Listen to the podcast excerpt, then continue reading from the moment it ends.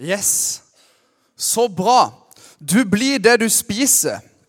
Det er taleserien som har vært her de siste to fredagene og avslutninga i dag. Hvis du ikke har hørt de to forrige talene, så vil jeg anbefale deg å gå inn på podkast eller Spotify og høre Eirik og Isak tale deg. Det var veldig bra. Jeg skal tale den siste delen. Hvordan påvirker jeg andre? Hva kan jeg spise for å påvirke andre mennesker rundt meg? Og til alle taleseriene som vi i Misjonskirka Ung og Åpent hus har, så er det òg bibelleseplanen som jeg vil slå et slag for. Gå inn på Uversion-appen, søk opp navnet på taleserien, og så kan du følge en bibelleseplan som passer til temaene vi snakker om. Det anbefaler jeg. Det er veldig enkelt å følge med, enkelt å lese. Det er veldig bra. Jeg har lyst til å eh, ta begynne å be, så fold hendene og bli med meg i bønn.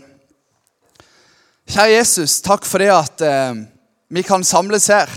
Takk, Jesus, for høstferie, takk for fri, og takk for det at eh, det er så mange som har lyst til å bruke sin fredagskveld i denne ferien på å være sammen med deg, på å løfte deg opp. Jesus, jeg ber deg om at du skal forberede hjertene som sitter i salen, og at du skal bruke meg som et redskap for det du har lyst til å si i kveld. I Jesu navn. Amen. For dere som aldri har sett meg før, så heter jeg Jonas. Jeg er 21 år gammel, og jeg jobber som ungdomspastor i Lista misjonskirke. Det er den beste menigheten å jobbe i så langt i de menighetene jeg jobber i. Og jeg trives veldig godt med det. I dag så skal jeg snakke om påvirke andre. Og Det syns jeg er så spennende, og jeg har gleda meg så lenge til det jeg skal dele med dere i dag. For Vi skal snakke om påvirkning. og Jeg husker når jeg gikk på ungdomsskolen for mange år siden, på Å ungdomsskole her i Lyngdal. Da ble jeg påvirka av en som gikk i min parallellklasse. Jeg skal ikke si hva han heter, men, men han gikk i parallellklassen min, og han var gutt og han var like gammel som meg. og han han gikk rundt og sa sånn Nei, det blir jo helt feil! Til alt så sa han det. Mista du blyanten? Ah, shit, jeg må bare plukke opp blyanten. Det kommer snart. Det blir jo helt feil, sier han. Oi, shit, jeg kom litt for sent på skolen i dag. Det blir jo helt feil! Sånn gikk han hele tida, og det smitta over på meg. Det påvirka meg. Så jeg begynte òg å si det hjemme. Mamma, eh, mamma sier til meg Jonas, vi skal ha pølse til middag i dag. Det blir jo helt feil, mamma! Vi kan jo ikke det. Og så smitter det på meg. Og så, når jeg begynner å si det, så smitter det over på pappa. Og, og, og, når du kommer til det stadiet, så blir det litt kleint og litt rart og litt teit igjen. 'Pappa, kan du kjøre meg på trening?' Så sier han i sofaen sånn 'Det blir jo helt feil, Jonas!' Sant? Det er jo helt galskap. Men det er litt rart òg at han som gikk i min parallellklasse på ungdomsskolen, kunne påvirke måten pappa snakka. Hæ? Har du tenkt på det? Det er litt rart. Så hvis jeg hadde spurt han, tror du at du kan klare å forandre måten som min pappa snakker på, så hadde han sannsynligvis svart nei. Men tingen er det at han kunne det. For pga. at han gikk og sa det på skolen, så begynte jeg å si det. Og så spredde det seg hjem til mitt hus. Til pappa som bare sitter og roper 'Det blir helt feil!' hele tida. Og det er veldig gøy. Jeg vil at du skal ta snu deg til Simon og gi dem en high five. Og så skal du snu deg til deg bak deg, og så skal du gi dem en high five. Og for dere som sitter på bakerste rad og har ikke ingen å snu dere til, så kan dere tenke på at dere må sette dere lenger framme neste gang, for dere sitter for langt bak. Er vi med igjen? Veldig bra. For personen du just ga en high five til Har du tenkt på det? Du har påvirkningskraft på den personen. Hvordan kan jeg være med å påvirke andre? De du snudde deg til rundt nå, de du tok på, de er du med å påvirke. Om du vil det eller ei, så er faktisk du med her i kveld og påvirker deg sitt liv. Så hvordan påvirker andre? Jeg vil begynne med å si det at alle mennesker her inne påvirker noen andre uansett. Uansett hva vi gjør, hvordan vi beveger oss, hvem vi er med på skolen, hvilke fag vi liker, hvilke fritidsaktiviteter vi holder på med, så påvirker vi noen andre mennesker. Og Derfor så er vi nødt til å ta dette temaet litt på alvor. For hvis alle påvirker noen, så blir vi nødt for å være bevisst over hvilke ting vi har lyst at vi skal påvirke andre med. Har vi lyst til at de vi påvirker, skal bli løfta opp, elska, sett og godt, altså godt likt av oss? Eller skal vi bare drite i det ansvaret vi er blitt fått, blitt gitt, i forhold til påvirkning? Så hvordan skal vi forholde oss til dette? Hvordan skal jeg være i, i, min påvirkning? Hva skal jeg si? Hva skal jeg gjøre? Er det noe spesielt jeg må gjøre? Må jeg ha noen spesielle gaver eller talenter? Må jeg si de rette tingene? Nei, jeg tror ikke nødvendigvis. Men vi har blitt gitt en påvirkningskraft som vi kan velge å omfavne og gjøre noe med. Eller vi kan velge å ikke tenke på den, og så får det bare gå som det går. Jeg har lest noen bibelvers i det siste som jeg skal ta dere med på. Og når jeg skulle fikk dette temaet, her, så tenkte jeg at dette har jeg lyst til å ha med fra Bibelen. Det er noen bibelvers som har fått lov til å jobbe ekstremt mye i mitt liv. Og tingen med disse er at de går helt tilbake til det helt grunnleggende. Til bonden. Til det enkleste, enkleste, enkleste. Men det er så utfordrende, det er så vanskelig, og du kan si så mye om det. Vi skal lese i Matteus kapittel 22, vers 35 og 36. Og en av dem, en lovkyndig, spurte for å sette ham på prøve. Altså en bedreviter, en kødd, spør Jesus for å sette ham på prøve. 'Mester, hvilket bud er det største i loven?' Dette gjør de for å sette Jesus fast, for å stille en vanskelig spørsmål, sånn at de kan ha noe å ta han på. Men Jesus svarer, og det er dette som er så bra Du skal elske Herren din Gud av hele ditt hjerte av hele din sjel og all din forstand. Men det andre er like stort. Du skal elske din neste som deg selv. På disse to budene hviler hele loven og profetene. Du skal elske Herren din Gud av hele ditt hjerte, av hele din sjel og all din forstand. Det er det første. Og Når jeg skal snakke om påvirkning i dag, så skal jeg snakke om to deler. For den første delen er at du må kunne elske din, For å kunne elske din neste som deg sjøl, så må du begynne i ditt eget liv. Vi må begynne med oss sjøl. Vi må begynne med å gå inn i oss sjøl og virkelig elske Jesus av hele vårt hjerte. Hele vår sjel og all vår forstand. For tingen er den med nestekjærlighet at hvis du skal elske din neste som deg sjøl, så klarer ikke du det i din egen kraft. Jeg har aldri møtt noen mennesker som får til det i sin egen kraft, i seg sjøl, med, de, med de sine talenter. For jeg treffer mennesker hver uke som jeg klikker på. Å, det er det verste! Å, I trafikken. Folk som kjører akkurat under fartsgrensa. På butikken. Folk som ikke er klart å få fram kortet når de skanner i de sju millioner varene de skal handle. Overalt treffer folk jeg irriterer meg på. Og jeg tenker med meg sjøl Kjære, gode Jesus! Hvordan skal jeg klare å elske disse menneskene som irriterer meg så mye? Og det er litt der det ligger at Kjære Jesus, jeg trenger din hjelp til dette her. Å, kjære gode Jesus, hjelp meg til å elske deg på butikken som ikke klarer å få fingeren ut med det kortet. Hjelp meg til å elske deg som kjører altfor seint i trafikken. Hjelp meg til å elske deg som glemmer å bruke blinklys. Elsk meg. Lær meg å elske deg som går uten refleksvest i mørket. Lær meg å elske de menneskene som jeg ikke klarer å elske sjøl. Og Når vi skal påvirke andre mennesker, så blir vi helt nødt for å gå til noe annet enn det vi klarer å lære oss sjøl å forstå. Vi blir nødt for å gå til Jesus for at vi skal bli fylt av hans godhet, av hans kjærlighet, av hans kraft, sånn at det er den som skinner gjennom når vi møter mennesker som vi ikke klarer å forholde oss til sjøl. Når vi møter mennesker i vår hverdag som bare sånn 'Jeg har ikke lyst til å snakke med deg i dag.' Så kan Jesus sin kjærlighet få lov til å skinne gjennom mitt liv og ditt liv fordi at vi er valgt til å søke Han først. Og når det står du skal elske Herren din Gud av hele ditt hjerte, av hele din sjel og all din forstand, betyr det da at du skal hver dag sette deg ned, lese Bibelen i én time, høre på lovsang i én time og be i én time? Nei. Det er faktisk ikke sånn.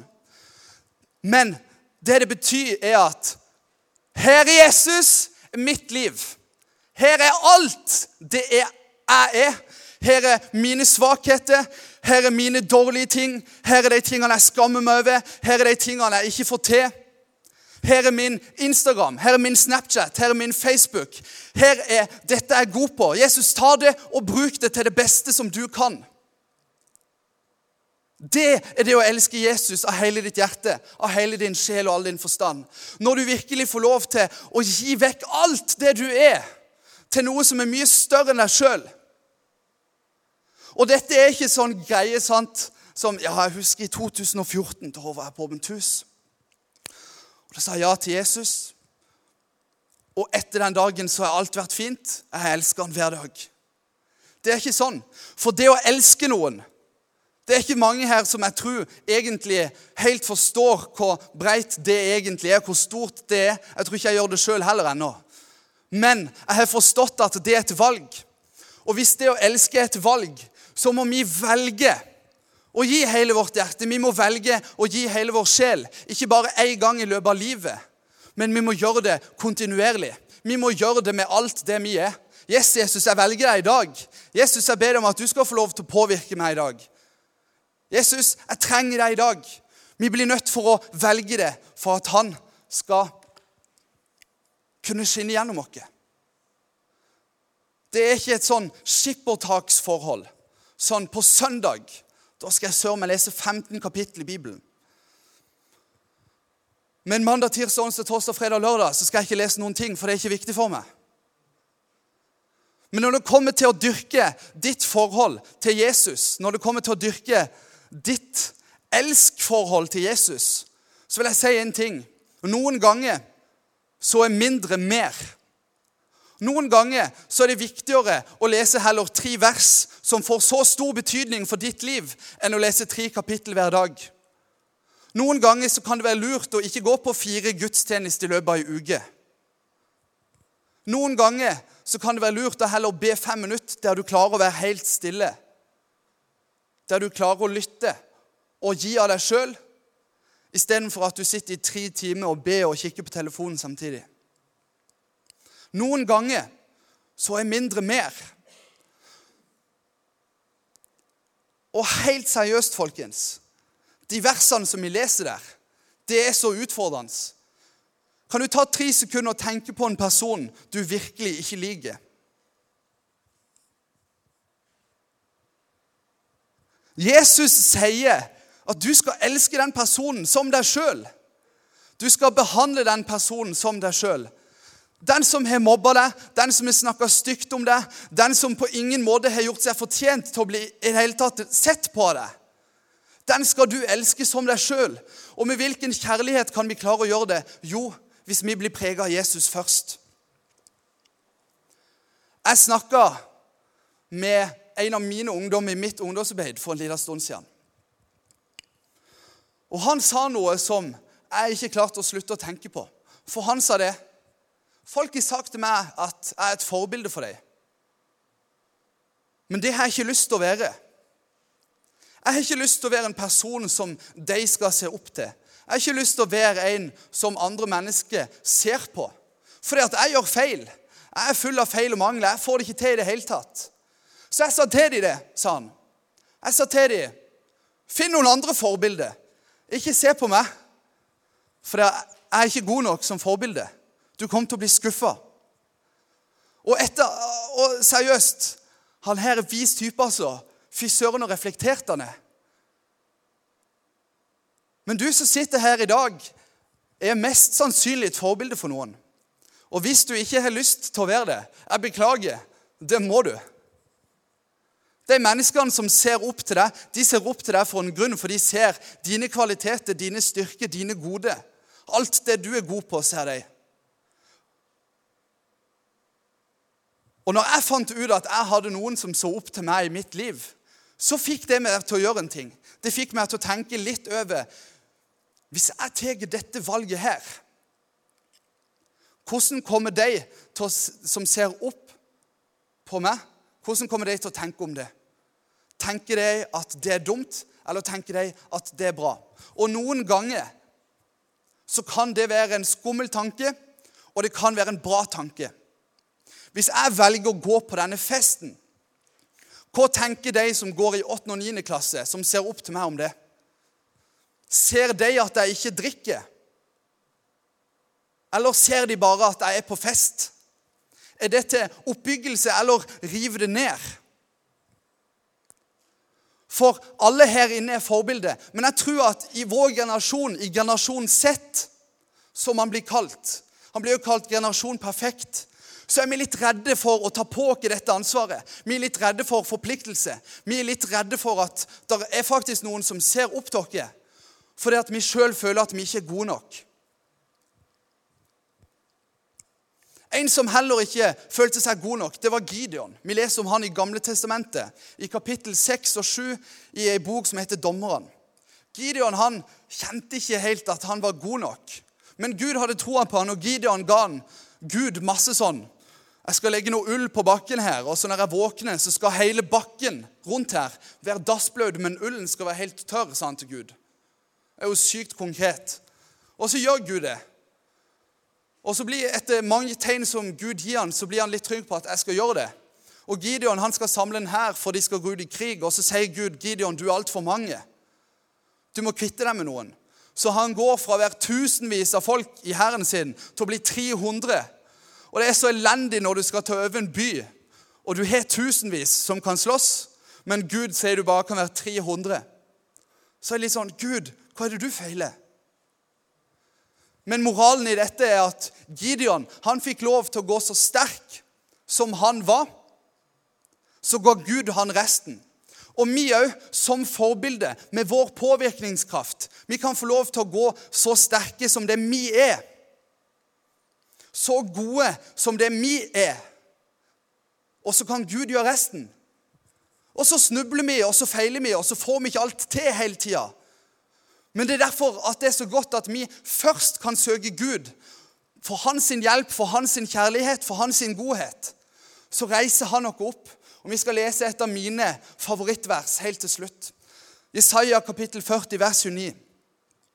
Han gir den trette kraft, og den som ingen krefter har, gir han stor styrke. Dette er så bra. Det er tungt. Det er vanskelig å være en influenser som det dere er. Dere har kanskje ikke 40 000 følgere på Instagram. Men dere er en influenser allikevel fordi at dere påvirker noen i deres hverdag. Det er slitsomt, og det kan være vanskelig og det kan være tungt å tenke på at jeg er et forbilde, men jeg gjør fortsatt feil. Men jeg vil at du skal vite det. Gå, som, gå så god som du er. Gjør det beste som du kan. Søk Jesus først. Og så når du går tom for krefter, når du ikke orker mer, så gir han deg stor styrke. Så gir han deg alt det som han er, av sin kjærlighet og av sin godhet. Vi skal ta og be sammen. Kjære Jesus, takk for det at du er god. Takk, Jesus, for det at vi kan komme til deg først. At vi kan søke deg først. Og så gi oss så gir du oss alt det vi trenger, Jesus. Du gir oss kjærlighet, omsorg, oppmuntring, Jesus. Takk for det at vi kan få lov til å være med og påvirke menneskene rundt dere på grunn av deg og med deg, Jesus. Jesus, jeg ber deg for de som sitter her i dag, om at du kan få lov til å gjøre en forskjell i deres liv. I Jesu navn. Amen.